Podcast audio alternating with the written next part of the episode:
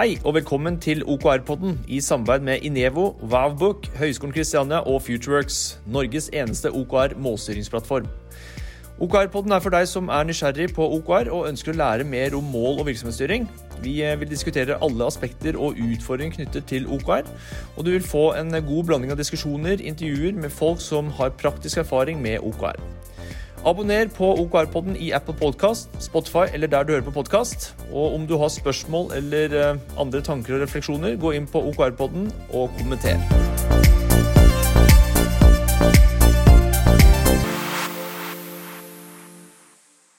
Hei, velkommen til OKR-podden, podden for deg som er nysgjerrig på OKR og målstyring. Jeg heter Carl Philip Lund. Jeg jobber i Nevo og på Høgskolen Kristiania. Og sammen med meg, som vanlig, har jeg Kim Leinan, og som vanlig så jobber jeg som OKR-coach og resultatcoach i Futureworks. Så da sitter vi her igjen, Carl Philip. Det er veldig hyggelig. Herlig. Og lærerikt, ikke minst. Ja. Og vi driver bare med one takes, er det ikke det? Jo, det gjør vi. Ja. Enda mer farligere. Ja. Hva er det vi har snakket om hittil? Nei, eh, akkurat nå så har vi jo eh, Vi har om eh, Vi har jo hatt tre episoder nå. Sist gang så snakka vi med Kristoffer Sæbø i Knowit. Så det var jo en hyggelig affære. Så tidligere før der igjen så har vi på en måte snakka litt om hva, og, hva er OKR, og hvorfor, hvorfor skal vi bruke OKR-er. Så hva, hva, er, hva er egentlig OKR igjen? Bare for å oppsummere litt der. Ja, det, det står jo for Objective og Key Results, og det er en måte å styre en bedrift på. Ja. Så det er litt av rammeverket, og i dag så skal vi se litt på hvordan vi implementerer eller hvordan vi setter i gang en OKR-prosess i et selskap eller en gruppe eller en avdeling eller et team. Ja, Ja. og det er ikke lett. Teorien er lett. Teorien er alt lett. Ja, ja. Men det er når det kommer ned til selve gjennomføringen som eh, jeg ofte opplever at folk feiler litt. Ja. Fordi da kommer jo hverdagen. Ja. Ja. Hvor mange, hvor mange bedrifter er det du har hjulpet øh, å innføre OKR? Akkurat nå, i dette året her, så har jeg hjulpet tolv bedrifter Ja. med å sette i gang med OKR. Eh, året før igjen så hjalp jeg fem selskaper. Eh, og så er vel sannsynligvis neste spørsmål litt hvor mange av disse her er det som har fortsatt med OKR? Ja, akkurat. Regner jeg med. Ja. Uh, og det jeg sier, de som i år er, er i gang full, fullt i gang med det. Uh, I fjor så er det bare to av dem.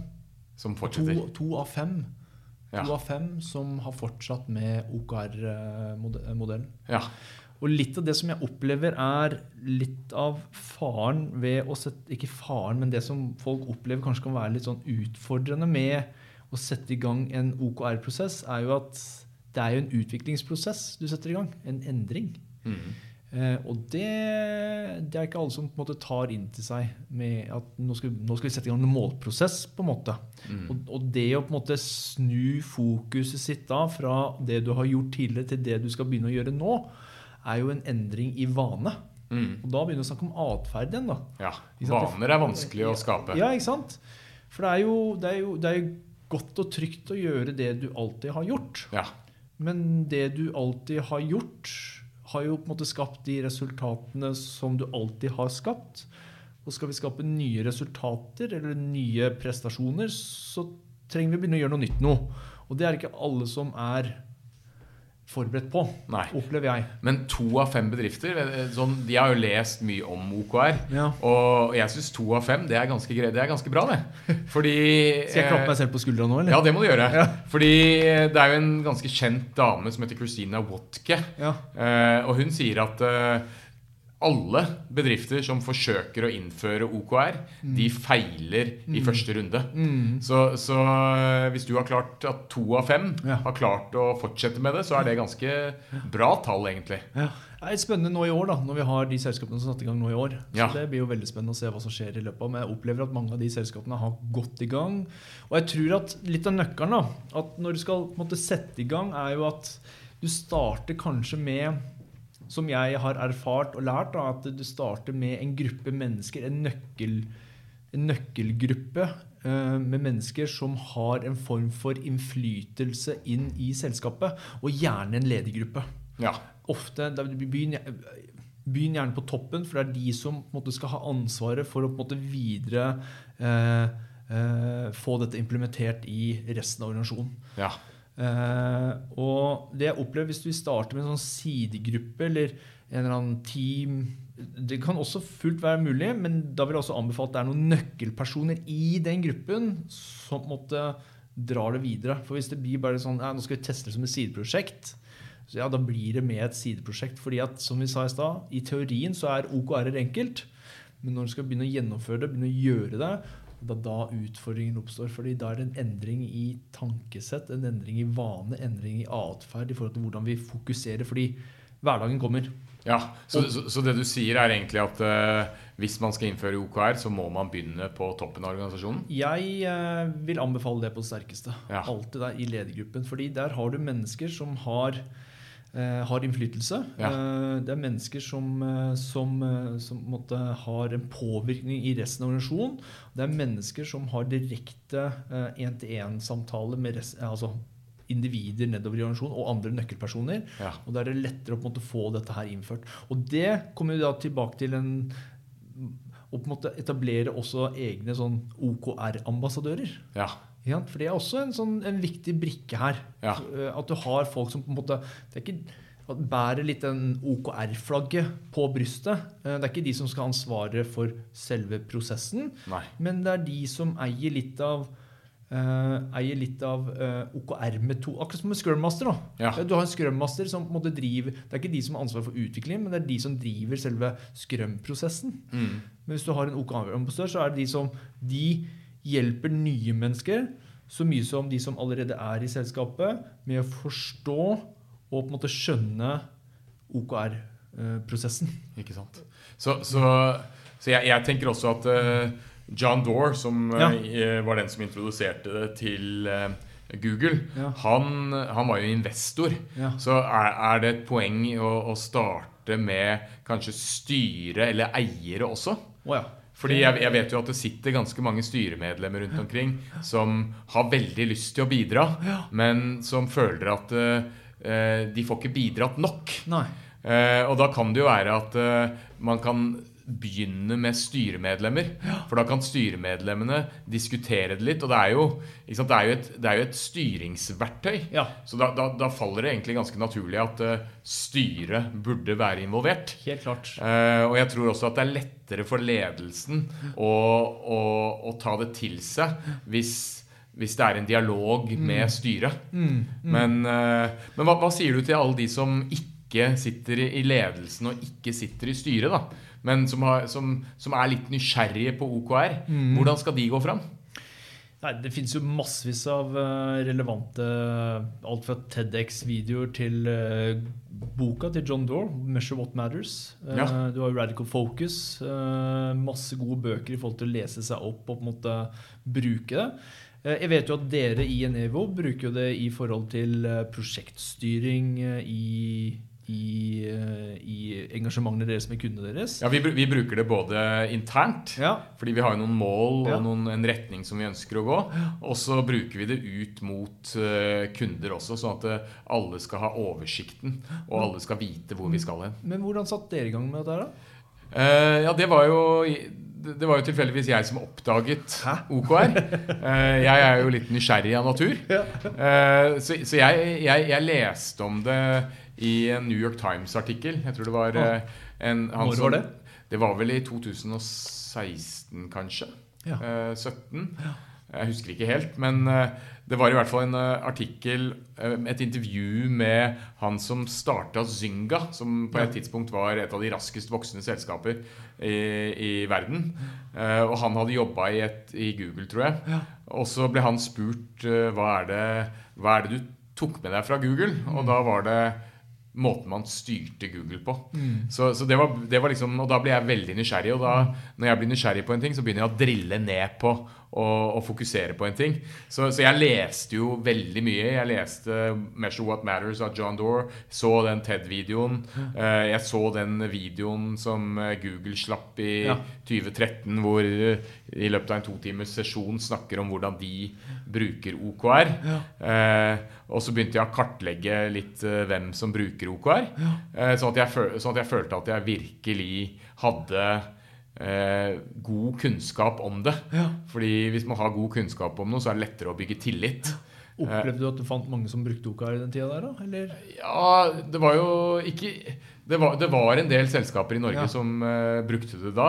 Men jeg tror Sånn som det ble jo utbredt da Google begynte å dele dette her i 2013, så vet jeg at eh, det var mange norske selskaper som eh, plukket opp det. Og da, jeg tror det er, en, det er en artikkel i Nettavisen som handler om den der videoen som Google slapp. Eh, men etter hvert som jeg har gravd, så er det jo faktisk ganske mange som har enten begynt, Mm. eller bruker varianter av det, eller har videreutviklet det. Men i hvert fall så bygde jeg min egen kompetanse, Mm. og så prøvde jeg å identifisere folk i selskapet som var litt nysgjerrig. Mm. Eh, fordi jeg har ikke noe tro på sånne der Big Bang-lanseringer hvor eh. Hvor du skal rulle ut noe til hele selskapet på en gang. Det er veldig vanskelig. Ja.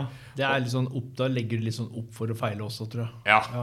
Og, det, og jeg liker å bruke Facebook som eksempel, fordi sant, Facebook, det er ingen som har vært på Det er ingen som har lest brukermanualen til Facebook. Det er ingen som har, har vært på eh, en kickoff av Facebook. Nei. Eh, Det er noe som har kommet organisk. Ja. Og jeg, jeg er veldig stor tilhenger av ting som kommer organisk, eller som kommer litt sånn naturlig fram. Så, så jeg begynner jo gjerne hos de noen få mennesker. Ja. eh, Og bare trigger nysgjerrigheten deres og prøver å bygge litt sånn internt engasjement litt om litt. Um, og så, når, når jeg har gjort det en stund, så, så tester vi OKR i små grupper. Sånn, bare sånn helt personlig. og Jeg vet om det er, ma det er mange mennesker som bruker OKR på personlig plan også. Ja. Eh, så vi bare testet det litt ut når det gjaldt faglig utvikling. Ehm, og etter hvert så, eh, så, så, så innførte vi det. Ja. Og da var det, da hadde vi snakket Men vi, da vi innførte det, så var det ingen som ble overrasket. For det hadde Nei. alle hørt litt sånn snakk om det i gangene. Hvor lang tid brukte dere på den sånn Eh, det var vel sommeren 2018, forsommeren 2018. Ja. Eh, På sommeren så er det jo litt sånn treigt i Ja. Norge. Eh, Så vi testa det fra sommeren. Og så, sa vi at i, og så hadde vi et møte i september hvor vi sa at eh, 1. oktober så kommer vi til å, å begynne som selskap å bruke OKR. Så da hadde du prima i to-tre måneder, da. Ja, Ja. ja, ja. Ja. Og, og gjort litt folk nysgjerrige, og, og, eh, og gjort folk vant til at nå kommer det en endring. Og, og da hadde vi også bygget nok engasjement til at uh, de, mange var i hvert fall veldig positive. Og så var det noen som var litt sånn negative. Ja. Um, og, så, og så satte vi i gang. Uh, og så begynte vi da med uh, Vi fant jo denne her oppskriften på workshoper som Christina Ja. Wotke har brukt. Eh, hvor man da avtaler en eh, man, man tar syv til ti personer, eller fem til ti, tror jeg. eller noe sånt nå. Ja. Aldri mer enn ti, tror jeg det er. Ja. Eh, fordi da blir det bare kaos. Eh, og så inviterer man eh, de til en workshop. Eh, og så må man jo, så må man jo Underveis så må man jo avtale hvordan man skal skrive dette ned. Fordi det er jo mange som hopper direkte på et system, og det, det anbefaler ikke jeg, og det anbefaler ikke Christina Mm. Uh, fordi det er ikke systemet som er avgjørende. Eh, det er noe man kommer til etter hvert. Eh, så det å avtale hvordan og hvor man skal skrive ned OKR, om det er et Excel-regneark eller om det er på en tavle Vi diskuterte faktisk tavler også, Ja. for å gjøre det så synlig eh, for alle på kontoret. Men det ditcha vi. Ja. Så vi, vi, vi fant ut at vi brukte noe vi allerede brukte. Vi bruker Basecamp for prosjektstyring. Ja. Og så fant vi en artikkel som fortalte hvordan man brukte OKR i Basecamp. Eh, og så måtte man jo bli enige om hvordan man skulle rapportere ukentlig. Ja. Uh, og at man skulle ha en sånn avsjekk midtveis i kvartalet hvor man diskuterer sånn halvveisdiskusjon. Ja. Og så at man på slutten av kvartal så presenterer man for hverandre og har en liten sånn feiring. Ja. Så det var i hvert fall hvordan vi kom i gang. ja, ikke sant? Kult. Hvor lang tid brukte du på det sånn vil du si, å komme i gang hvor dere aktivt måte, jobbet med? Var det liksom de to-tre månedene med priming, og så var dere i gang i oktober? 1. oktober begynte vi. Ja. Og så, og så på slutten av kvartalet så merka man jo at uh, Norge er litt annerledes enn USA. Ja. Uh? Rundt desember så, så, så, så svikter jo veldig mye i Norge. ja, etter to uker. To uker, ja. Ja. Uh, og da er det jo veldig vanskelig å avtale at man skal ha en sånn oppsummering og planlegging, og plutselig så haster man inn i nytt kvartal, og så, og så ble det ganske sånn knotete i starten, fordi folk skulle jo på juleferie. Snakker vi nå i januar, eller? Ja, januar. Ja, ja, så, så, vi, så vi endte opp med å Og, da, og når, når, eh, man kommer da til midten av januar, så er det jo litt seint å begynne. Ja. Så, så det er jo viktig å være bevisst på hvordan det norske året er delt opp. Finansåret det er jo delt opp i kvartaler. Det er jo veldig innarbeida. Men, men eh, liksom arbeidsåret, Ja. det er litt unikt i Norge. Ja. For der har vi liksom juli, så stopper jo alt. Ja. Så, og mai og juni, det er jo mye inneklemte dager og ferier og alt sånt. Så, så, så vi, vi, vi rota litt i starten. Ja. Eh, og så har vi etter hvert så har vi beveget oss over på mer tertialer. Ja. Um, men, men det er ikke lett. Nei. Og Jeg, jeg opplever jo det å, på en måte, det å lykkes med en OKR-prosess Du trenger jo på en måte en form for standhaftighet til Ja. å en holde ut den prosessen. Og ikke gi seg. Nei, ikke gi og, seg. og, du må, og du må justere underveis. Og tilpasse det Din etter organisasjon. din organisasjon, Ja. kulturen i selskapet. For det, Ja. liksom, det er ikke one size fits all her. Det er, det, er noen, det er noen enkle rammer, og det er en teori. Og det er liksom, men innafor der så er det full kreativitet og på en måte tilpasse kulturen og ikke sant? det som er selskapet. Og ikke henge deg liksom, ja, Der gjør de det hver tredje måned. Det kan godt hende at rapporteringen ikke skal være hvert kvartal, men skal være kanskje hver, hver måned. Ja. Eller hvert, hver annenhver måned, eller hvert Ja, ja. halvår, som Google eh, potensielt til, gjorde. ja, jeg tror de gikk over til hvert halvår. Ja, ikke sant? Så det er liksom what fits Ja. Hva, som passer dette selskapet her, og denne organisasjonen og denne kulturen. Det tror jeg er viktig. Mm. Så min opplevelse da, at hvis, hvis du er standhaftig, du er, eh, du er, eh, du, er eh, du, du kontinuerlig jobber med OKR-prosessen, så, så er min opplevelse at det tar en seks til ni måneder å på en måte virkelig lykkes med en OKR-prosess. Ja. Jeg tror faktisk det tar nesten to år. Ja. For å, fordi, ja, som jeg har sagt tidligere, at OKR er ikke en, er ikke en erstatning for god ledelse og god bedriftskultur. Aldri. Eh, men, og jeg tror, men jeg tror også at eh, OKR som metodikk eh, former kultur. Ja. Fordi du får fokus på en del av de tingene som er viktige. viktige. blir veldig resultatstyrt, da. Ja.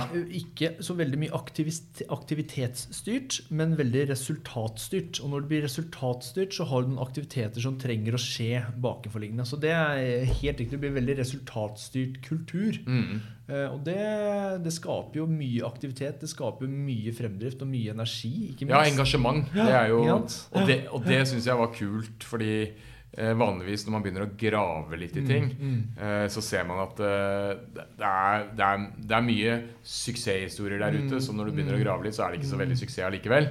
Men, men eh, jeg husker veldig godt i januar, året etter at eh, vi hadde innført eh, OKR, jeg tror det var i våren 20, januar 2019, så var jeg på Google sitt hovedkontor på studietur Ja. i, i europeisk hovedkontor. Ja. Og, og så gikk vi rundt der, og, så, og, og, der hørte vi at folk satt rundt bordene i små grupper Ja. og snakket om OKR. Ja, kult. Så, så det er jo For meg så var det en sånn der bekreftelse Ja. på at uh, det er ikke bare noe som står i en bok, eller det er faktisk noe som engasjerer til alle de ansatte i dag. Og aktivt brukere. Ja, At de aktivt bruker det. At eh, du får på en måte et nytt vokabular når du skal snakke om uh, liksom objectives og key results. Ja. Så Men eh, ja, i, i mine prosesser, altså når vi på en måte legger opp et OKR-løp for en bedrift, så, så har, jo, har jo vi gjerne en workshop eh, på alt fra en halv dag til en dag. Eh, og gjerne da med management eller en ledergruppe, eh, Mm. hvor du har nøkkelpersoner og på en måte innflytelsespersoner som på en måte kan dra dette videre ned i organisasjonen. ja. Eh, Jeg pleier å si ut i organisasjonen. ja, ut i organisasjonen. Ja, takk. Ikke ned, for det er jo en sånn flat struktur her. Ut i organisasjon. Ja. Eh, og, og, og da starter jeg, har jeg alltid en intro om, eh, om, om, ut, om endring og utvikling. Hva som egentlig skjer da. For jeg tror det er viktig å få med seg konteksten av hva du setter i gang. Mm. Eh, og det bruker jeg gjerne en time, halvannen tid på, og på en måte jobber igjennom med både spørsmål og på en måte svar frem og tilbake, sånn at vi har konteksten av hva vi på en måte setter i gang på nå. Mm. Og når vi går inn i selve OKR-prosessen, eh, altså workshopet med å begynne å sette OKR-ene, så har jeg delt opp det i to-tre ulike typer arbeids, grupper, eller workshops. Mm. Hvor mange mennesker deltar typisk da? Nei, Da er det gjerne en ledergruppe, og en ledergruppe består alt fra tre til sju, Ja. mennesker. Ja. Ikke større enn det. Nei. Så det er jo som du sa i stad, blir, liksom, blir det mange, så kan det fort bli litt rotete. Ja. Da trenger du veldig god styring på gruppa. ja. Uh, men eh, vi Og, og hvem er det som typisk har liksom eh, tatt kontakt med, I- med deg? Er det én i ledergruppen, eller? I, i, i, der er jo jeg Jeg er jo, har jobba 20 år med salg Ja. så jeg er jo ganske proaktiv i mine egne uh, Ja. fremstøt. men- Hvem, hvem er det du pleier å ringe, da? Nei, det går alt fra Alltid daglige ledere. Alltid administrerende. Ja. Alltid de menneskene der. For det er de som måte har den Når det gjelder målstyringen, så er det helt klart, klinkende klart for meg, og der kan sikkert noen si meg helt imot OKR-er er et ledelsesverktøy. Ja. Det er ledelsen sitt ansvar og eierskap å drive målprosessen i selskapet. Ja. Altfor ofte, eller i noen tilfeller, så opplever jeg at HR får, et an, får ansvaret for å drive målprosessen i selskapet. Og misforstå meg rett når jeg sier dette her. HR gjør en fantastisk jobb. Ikke sant? De gjør en fantastisk jobb på å utvikle mennesker. Og det er viktig. ikke sant? Målprosessen er en helt annen bane. Du, det, er, det, er to, det å utvikle mennesker og det å drive målprosess er to vidt forskjellige ting, men det går som hånd i hanske. De Ja. må jobbe sammen. Ja. Og HR kan godt være en OKR-ambassadør. Det er helt fine. Ja. I forhold til det, Men de skal ikke eie OKR-prosessen. Det er livsfarlig. ja. Hvorfor det? Nei, fordi at de, de har jo Først og fremst så er det jo eh, Først og fremst så er det jo livsfarlig, jeg skal ikke si livsfarlig, men da er det, da er det rom for feiling. da, Fordi at eierskapet skal ligge hos ledelsen. Ja. Det er et ansvar og et eierskap ledelsen skal ha. Ja. Ikke et HR, Derfor er det altfor lett å si at nei, HR tar seg av det der, så det blir en sånn samlepost med ting HR skal gjøre. Ja. Nei, HR er en ekstremt viktig rolle. De skal utvikle menneskene i selskapet. Ja. Og det er, det er utrolig viktig jobb. Ja. Og det å lasse på dem andre type greier som de skal ha, da får ikke de fokusert på jobben sin. Nei. Så dette er et ledelses, ledelsesansvar. Ja. Sånn at vi starter alltid, og jeg anbefaler alltid å starte på toppnivå. Eh, og når vi da satte i gang workshopen vår, så er det eh, leder, altså administrerende eller daglig leder, som kommer opp og presenterer visjon, misjon, verdier og gjerne strategien til selskapet. Mm. Og, ut ifra de elementene der, så har du noen helt konkrete strategiske prioriteringer. Mm. Hva er det dette selskapet her skal få til nå i løpet av et ett år, to år, tre års perspektiv? Og hva skal vi få til nå i 2021? Mm. Eh, Og da starter første workshopen i grupper. Og da er det da å komme fram til tydelige objectives som måte støtter opp under den strategien, visjonen og misjonen til selskapet. Ja. Og når vi har jobbet gjennom og kommet opp med en tre til fem tydelige objectives, og på en måte valgt ut de vi skal ha, så går vi inn i neste workshop, hvor vi definerer key results til hver enkelt eh, objective. Mm. Og når vi er ferdig med å definere objectives and key results, så er det to spørsmål jeg ofte stiller. Og det første spørsmålet da, det er jo da er, jo, er alle, er alle eh, disse key results nødvendige? Og hvis du får ja, hvis svaret er ja, yes, da er vi, da er vi check på det. Men hvis svaret blir nei, så må vi bruke mer tid på å raffinere OKR-ene for at de skal bli mer relevant og målbare. Ja. Neste spørsmål. Eh, når du er ferdig med dette, her, så gjentar vi det igjen til. når vi på en måte har gjort raffineringen alt sammen. Om vi oppnår alle disse key resultsene, har vi da oppnådd objektivet? Hvis svaret er ja, kjempeflott, kryss av, da går vi videre. Hvis svaret er nei, må bruke mer tid på å skape mer relevante og tydelige key results. Ja. Og her er også en liten sånn Jeg skal komme tilbake til dette seinere, men jeg tar det nå siden det passer. For dette er jo på en måte en, en, en, en liten fallgruve å sette key results som blir mer en aktivitet. Ja. Fordi vi var, inn, vi var innom i stad at et key result skal jo være et resultatmål. Ikke sant? Det skal være et tall som du skal oppnå. Det skal være tydelig å si at yes, nå har vi fått til det. Mm. Nei, nå har vi ikke fått til det. Ja. Hvis det blir en aktivitet, så har du en tendens til å bli en svær to do-liste. ja. Så det, ja, går tilbake til det på et senere tidspunkt. Men, men sånn i, når dere har de, den workshopen, Ja. hvor mye diskuteres versus uh, hvor mye jobber man alene? Er det mye diskusjon, og at man kommer fram til det sammen, eller? Ja. Ja. Ja, helt riktig. Vi jobber, jeg, jeg liker å jobbe med gruppene i team. Ja. Eh, Og gjerne hvis det er en gruppe på, på, på f.eks. ti, da, så deler du opp i fem, fem på hver gruppe. Og så jobber du med de samme strategiske prioriteringene, kommer med de samme objectivesene. Så da plutselig så har du kanskje tre til fem objectives på den ene gruppa og tre til fem på den andre. Og så må vi bli enige om tre til fem totalt. Ja. ikke sant? Og da får du gode diskusjoner på tvers eh, Ja. når folk engasjerer seg inn i dette her. Og da skaper vi eierskap, da skaper vi en- engasjement, Ja. ansvarlighet osv. osv. Jeg, jeg tenker at man kan jo spare jeg, jeg kommer jo litt Jeg har jo litt sånn klasseromsbakgrunn også. Ja. Og der er det ofte at uh, jeg ber jo studentene tenke litt selv Ja. først. Ja. Og så kan man diskutere med sidemannen. Ja. Og så kan man uh, presentere det for gruppen. Smart. Uh, og, og det jeg har lest Jeg har jo satt meg veldig inn i dette design-sprint og design thinking-prosessen. Og der, der har de egentlig slått fast at å kjøre en sånn workshop hvor det er brainstorming Ja. Noen, noen mener jo det at brainstorming, det, det fungerer ikke. Ja. Eh, det er faktisk så ille at eh, eh, noen har sagt at eneste årsaken til at ordet brainstorming fortsatt eksisterer, er fordi det høres kult ut. Ja. Men mens forskningen jeg, hen, jeg kan godt henvise det til notatene, men det viser seg at hvis man setter Hvis man skal komme opp med gode ideer og gode objectives, så er det bedre å jobbe litt grann for seg selv først. Ja. Eh, eller ha forberedt seg litt. Grann. Ja. Og det tenker jeg er i hvert fall en av de tingene jeg har opplevd. At eh, hvis, du, hvis du spør folk om å De fleste i ledergruppen vet jo strategien. Det er ikke sånn Mm. at eh, Sånn som i de fleste organisasjoner hvor ansatte ikke er klar over strategien og visjonen. Men i ledergruppen Så bør de så vite bør det. de vite det.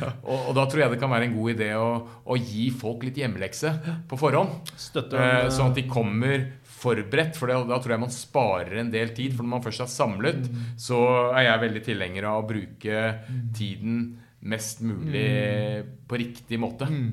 Ja, jeg støtter den, eh, Carl Philip. Det er jeg helt Mm. enig med deg i. Da primer du på lik linje som du gjorde i Nevo også, de to-tre månedene med innhold. og liksom, Du primer litt det tankesettet og på en måte få den kreativiteten i rommet til å på en måte bidra inn i ja. Ja. Så når vi har kjørt gjennom workshopen vår, så, så er det jo da å sette i gang selve gjennomføringen av dette her. Og da, da har jo vi på en måte lagt opp det på på en måte hvor vi kjører ukentlige OKR-resultatmøter, kaller vi det. ja. Bare blant ledergruppen, da. Eh, Ja, nå er det jo ledergruppen vi har fokus på. De, Ja, har, jo ja. sine, de har jo sine ledermøter Ja. eh, fra før av. Eh, Men de konverteres da til OKR-ledermøter. Og så designer vi opp og så lager vi det møtet sånn at både OKR-ene og de temaene som ledergruppen ønsker å ha med seg videre, blir ivaretatt i selve strukturen. Og de møtene varer alt fra 60 til 90 minutter. Ja. Og da har vi fokus på OKR og fremdrift på de tingene og aktivitetene vi trenger å sette i gang på der. Ja. Og så er det som det du sa, eh, at vi har et, et, et kvartalvis, går på kvartalvis utgangspunktet, kvartalvise sykluser, hvor vi da rapporterer på kvartalet og setter i gang et nytt kvartal. Ja. Så gjør dere det da Hvis du tenker deg kvartalet, ikke sant, januar eh, Når er det dere har den avslutningen? Eh, og når er det dere planlegger neste kvartal? Gjør dere planlegging for neste kvartal i slutten av Ja, første kvartal? Eller i begynnelsen av andre kvartal? Nei, i, slu, i slutten av første kvartal. I, Ja. i, så hvis vi kjører Q, eh, kvartal 1, da, januar, Ja. februar, mars, Ja. så begynner allerede eh, kvartalrapporteringen, altså forberedelsene for eh, eh, kvartalsmøtet, Mm. i slutten av, eh, eh, av Desember? Nei, av Hvis vi kjører kvartal 1, da, Ja, ok. Q1, januar, februar og mars, Ja. Så starter det møtet i slutten av Q1. ja. For da- neste kvartal. Så da begynner dere i slutten eller midten av mars. da Ja, så, at Så begynner dere å planlegge andre kvartal. Helt riktig. Ja. Så du kommer inn med fart inn i kvartalet. Ja. Men det er ikke noe feil. Eh, Jeg tenker at her er det eh, Jeg tror at det er viktig å tilpasse det i forhold til organisasjon. ja. Det tror jeg. Det er noen sånn, kanskje noen sånn fine best practices og alt sammen, men vi må alltid tilpasse det i forhold til organisasjon og kultur og de tingene der. ja. Og det tror jeg liksom, Hvis du, hvis du på en måte er slutt hvis, det, er ikke noe, det er ikke noe Lederne bør iallfall forberede seg for at de skal ha et kvartalsmøte. Mm. Og om det da starter en uke inn i neste kvartal, så tenker jeg ok. Det er ikke noe det er, Kan flekse litt. Det kan flekse litt der, og- men Mm. da må, det er planen på en måte å rapportere på Q1, og så sette i gang for Q2, og så iverksette den samme type syklusen. Og sånn går det gjennom, å- eh, gjennom månedene Ja. i et år. Ja. Kult.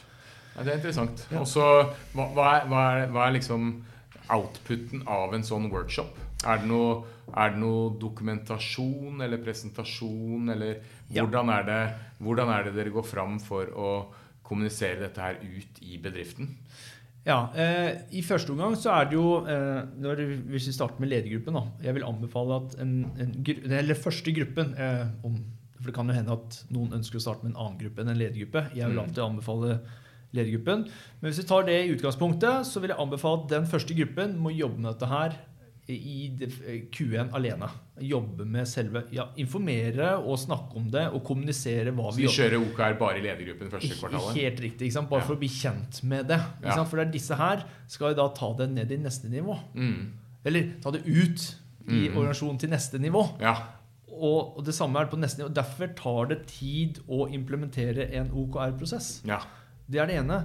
Og hvis du tar fullskala Si at du er et selskap på 80 stykker. da som ja, 50-80 stykker. Det er vel det som er average bedrifter i Norge i dag. Mm. Tar du blåser ut hele OKR-prosessen med en gang, så er det liksom satt opp litt til feiling. ja. Eh, Men hvis du starter med en ledergruppe, eh, de jobber med det det første kvartalet, og så er planen da å ta det i neste nivå, eh, ta det ut i neste nivå, og så jobber vi på denne måten i løpet av hele året.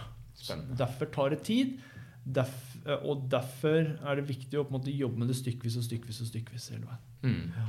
Kult. Så det, det, er en, eh, det er en ekstremt Som jeg ser, jeg ser Folk blir ekstremt engasjerte når de ser at de får de får et eierskap og et ansvarlighet i å, å på en måte jobbe med målene til hvordan de kan bidra inn i selskapet. Ja. Det er morsomt å se på, uh, er syns jeg for jeg. Og Ja. at de får et form for At de får en form for et ratt da, Ja. å styre med. Ikke sant? ja. Det, er- det er kult. Det er veldig bra. Så mm. Nei, jeg har jo sett litt på dette her med workshop eh, og, og uh, hun Christina Wotke igjen, da, som jeg Ja. refererte tidligere, hun har, jo, hun har jo en veldig sånn fast mal Ja. på det å kjøre workshoper. ja. Og, og det som jeg syntes var interessant med den, var at eh, eh, hun sier Hun inviterer da til et firetimers, eh, en firetime workshop mm. hvor det hemmelige målet er å bli ferdig på to timer. Ja. Og bare det at hun sa det, det at det står det, Ja. det gjorde at jeg ble litt frelst. ja? Fordi jeg, jeg misliker veldig sterkt lange strategiprosesser. Ja. Eh, så, så måten hun gjør det på, da, det er at hun, eh, hun, hun ber jo folk komme med eh, forslag. Da, Hun, hun, om man gjør det med hele bedriften eller bare med en liten gruppe. Men at man sender ut kanskje en infomail om at uh, her er liksom en påminnelse på hva visjonen og strategien er. Og nå skal vi inn i planleggingen av uh, neste kvartal. Hva, hva ønsker du at vi skal oppnå? Hva mener du bedriften skal oppnå i dette kvartalet? Ja. Uh, og så samler man svar fra alle de som er blitt spurt. Eh, og når man kommer da inn i møtet, så har, så har du en fasilitator Ja. eh, som da henger opp eh, alle objektivene som har kommet inn, på tavla. Eh, og så ber de de som er med i workshopen, om å skrive ned sine forslag, hvis ikke de allerede er på tavla. Eh, og jeg er ikke noen sånn fan av Post-It-lapper og sånne gule lapper-prosesser heller. Ja. Men jeg syns uh, det at jeg vet at eh, dette er sånn som noen av verdens raskest voksende selskaper jobber, Ja. så, så, så, det, kan- så kan det hende at eh, vi kan lære noe av det. ja, det tror jeg. Så, men i hvert fall når man har hengt opp alt på tavla, så går man gjennom de eh, og diskuterer de lite grann. Eh, og så rangerer man etter hvert. Eh, og så se om det er noen eh, likhetstrekk mellom noen av objectivesene. Eh, om det er noen duplikater, så kobler man de sammen. Eller om man ser noen mønster. Er det mye som går igjen? Fordi sannsynligvis så kommer det en del lignende innspill når folk har blitt uh, bedt om å gjøre det individuelt. Ja. Det er jo bare egentlig et, uh, styr, en styrke. Ja. Eh, samtidig så kan det hende at det kommer noen andre helt sprelske ideer til objectives. Og det kan jo være bra i organisasjoner som ønsker innovasjon. Eh, for da kommer det gjerne ikke fra en sånn gruppediskusjon, men da kommer det gjerne fra individer. Eh, så, så etter hvert som man har gått gjennom disse lappene, så velger man tre. Tre objectives. Mm. Hvorfor Eh, det? Hvorfor tre? Det er noe med fokus. Ja, Det er vel eh, Hvis du prøver å gjøre altfor mye, så får du ikke gjort noen ting. Så, så, så det er noe med det at man eh, Jeg klarer jo ikke å holde fokus på mer enn tre ting. Eh, og det er jo noe med også Mennesker husker gjerne tre ting bedre enn fem ting. Ja. Så det er jo noe med hele McKinseys eller eh, Barbara Mintos pyramideprinsipp. Ja. Hvordan hjernen funker. Så er det liksom magisk tre. Ja. Skal du si noe, skal du komme med et forslag, så er det lurt å komme med tre ting. Liksom magiske tall innenfor historie. Nei, tre, Ja, ja, det er, ja, ja, det er, for, det er historiefortelling. Du klarer å skal, skal du, Det er jo pyramideprinsippet. Skal du, skal du ha en handleliste istedenfor å liste 20 ting, så, så, så har du liksom Jeg skal ha grønnsaker, meieriprodukter og kjøttprodukter. Da er det mye lettere å huske, Huske alle grønnsakene. Så, så det er jo Og det ser du jo også på John Doore sin opprinnelige presentasjon. Hele greia er jo lagt opp til en slags pyramide. Sånn at det er enkelt å huske og enkelt å Men Hvor mange objectives er du anbefaler at eh, man har sånn totalt, da? Som maks? Nei, det kommer jo an på hvor mange forretningsenheter Ja, man har. hvis vi snakker på toppnivå, for eksempel, da. Hvis vi starter toppnivå. Ja, det, det kommer igjen, da. Hvis, hvis, eh, hvis du Det er jo ett eksempel fra John Doore sin bok. At Mm. hvis, hvis du er Google, da, Ja. og, og du driver med selvkjørende biler Ja. og annonsesystemer, Ja. så, så, blir det, så, blir, så blir det helt feil hvis du skal ha lignende objectives. Fordi det er jo helt, en helt annen virksomhet. Ja. Så, så hvis, men hvis du har en litt sånn fokusert virksomhet, da, Ja. så, så syns jeg det er en, en tommelfingerregel er å ha tre. Ja. Det, det holder. Jeg tenker hvis du har mellom Igjen, da. Jeg tenker, Tre til fem, kanskje. Ja, der har du Ja. Ja. Men, men du må jo tenke også at hvis du har fem, så, og du skal ha tre key results på hver yep. objective, så blir det fort uoversiktlig. Men jeg er he- 100 enig med deg, Carl Philip, at du har tre til å starte med, men at det er liksom når du er blitt vant med dette, jobbet med dette her Ja, da er det jo lettere. Og, og så er det jo Ja. Eh, også, også når, du, når du da har valgt tre objectives, da, som i, Mm. Ja. i mitt eksempel, Ja. så er det jo om å gjøre å, å komme opp med key results. Ja.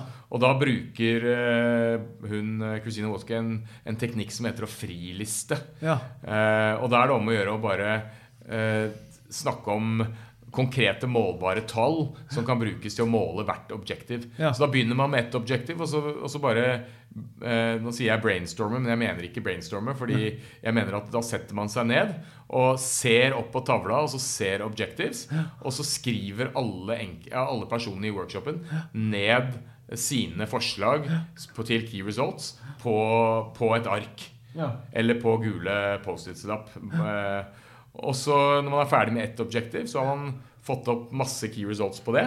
Og så går man til neste objektiv, og så får man masse key results på det.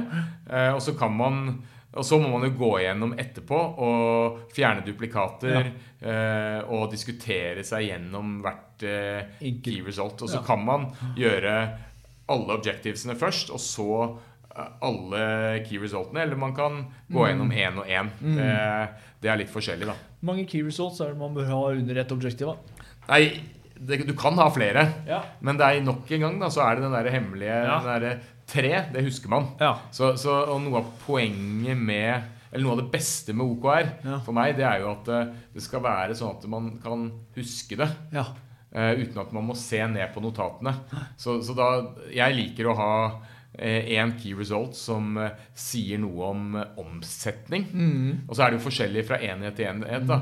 Og noe som eh, sier noe om antall, og noe som sier noe om kvalitet. Ja.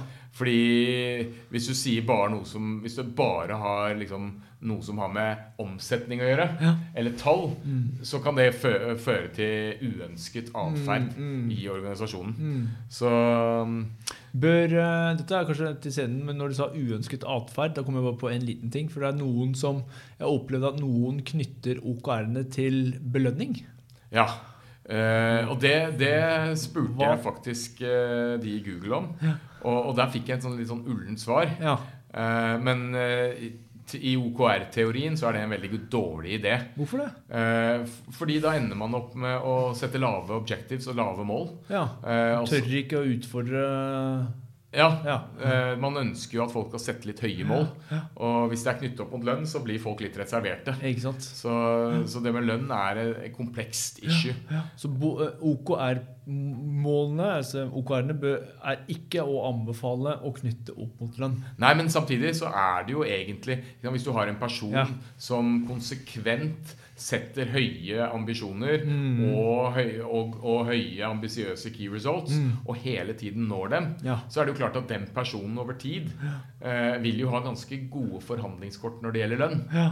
Så lønn, Men lønn er jo et eget uh, felt, Ja. egentlig, som Ja. jeg tror vi må ta i en annen Ja, ja, episode. Jeg bare kom på det når du sa Ja. ja. Ja. Så, men i hvert fall når du har kommet igjennom disse key resultsene Og jeg, jeg anbefaler at man ikke begynner å snakke tall med en gang man, Mm. eh, i den prosessen. Jeg mener at man må snakke målenheter. Ja. Så ikke, ikke begynn å snakke om eh, 500 nye kunder, Nei. men du, du sier antall kunder. Ja. Og så, for å liksom, huske godt på det, setter du x antall kunder. For da kan du diskutere x når du har, har satt sammen alle Ja. key resultsene.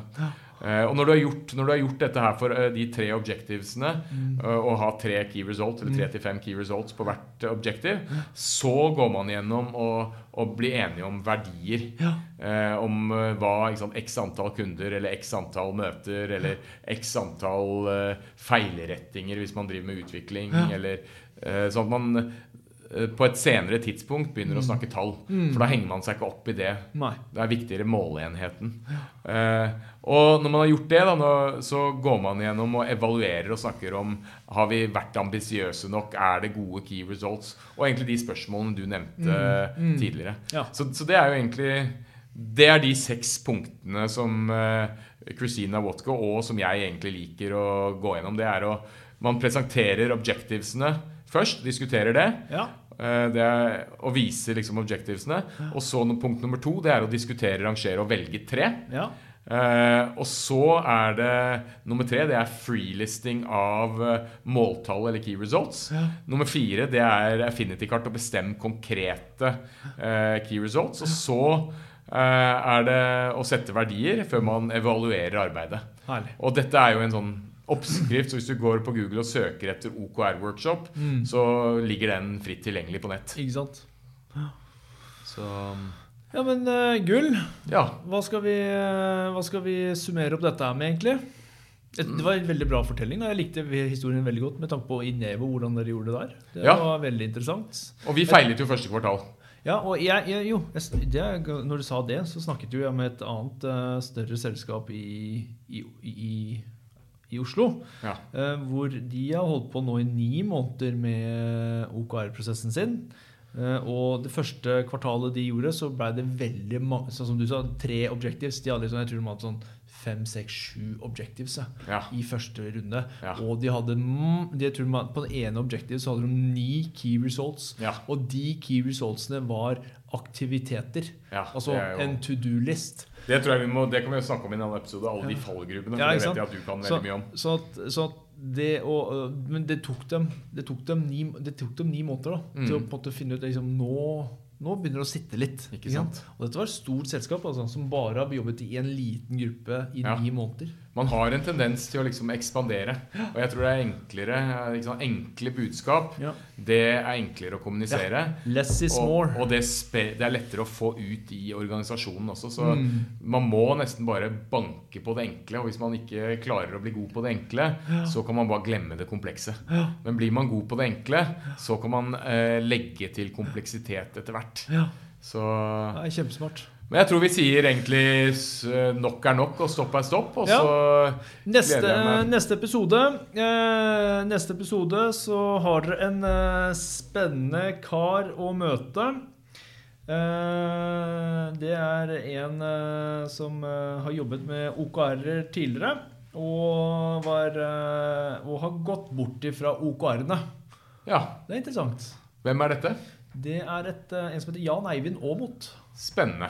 Så det blir interessant å snakke med han Ja. i førprosessen hans. Ja. Eh, Nå har jeg veldig lyst til å bare fortsette, men jeg tror ikke vi skal gjøre det. Så jeg Jeg tror vi takker for i dag. Og så til, inntil neste gang. Du er alltid så utålmodig, Carl Philip. Nå er jeg som sitter og snakker. ja.